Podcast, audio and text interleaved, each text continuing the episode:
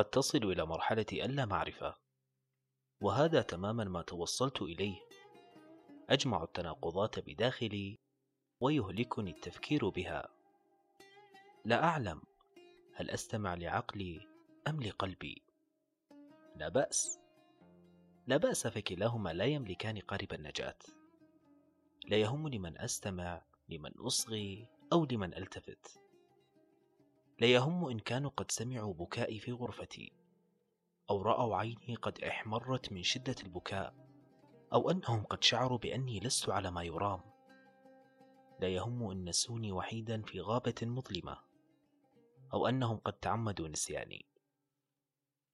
لن أشعر بالخوف بعد اليوم. لماذا أخاف؟ وأنا أعلم أن الله معي وبجانبي دائما لا يفارقني أبدا. وبمعرفتي لهذا الشيء أجد قوتي طاقتي وأملي أرى النور في ظلمات كهف عتيم أرى الفرج من عنق زجاجة ضيقة لأن الله معي ويحميني ويحفظني إن كان من خلق الزمان والمكان بجانبي دائما فلماذا أخاف؟ لماذا أستسلم؟ لماذا أتوقف؟ لماذا أحزن وأنا أعلم يقينا أن الله معي دائما أينما كنت؟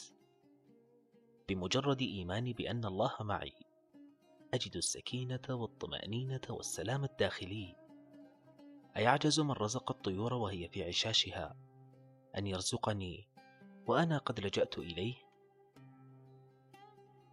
اعلم اعلم أن المشاكل التي تواجهك مكتوبة لك ومقدرة ممن خلق الزمان والمكان.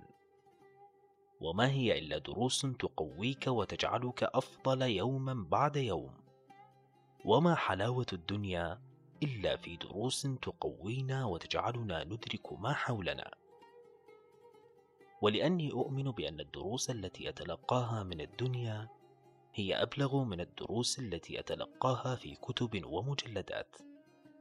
ولعلي بهذا أتذكر قصيدة الدكتور علي الهويريني إذ يقول انهض انهض اترك كتبك أو يحدوت بظهرك. فالكتاب عناء الرتيب اخرج أطلق بصرك اقرأ في قلم الله الأسمى شمس تشرق خلف الأكمة تدفئ نسمة تلثم ظهر كثيب. من روث عولج في بطن البقرة. تخرج زهرة؟ اقرأها إن كنت لبيب.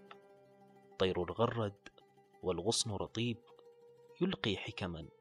بالغة هي حكمه. لعمرك أبلغ من ألف ألف ألف خطيب.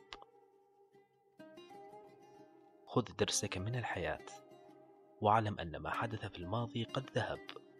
وما سيحدث في المستقبل فهو من تدبير العزيز الحكيم. وعش حاضرك بكل تفاصيله. لا يذهب يومك وأنت تفكر في الماضي أو تحاول التنبؤ بالمستقبل. لنفسك حق عليك.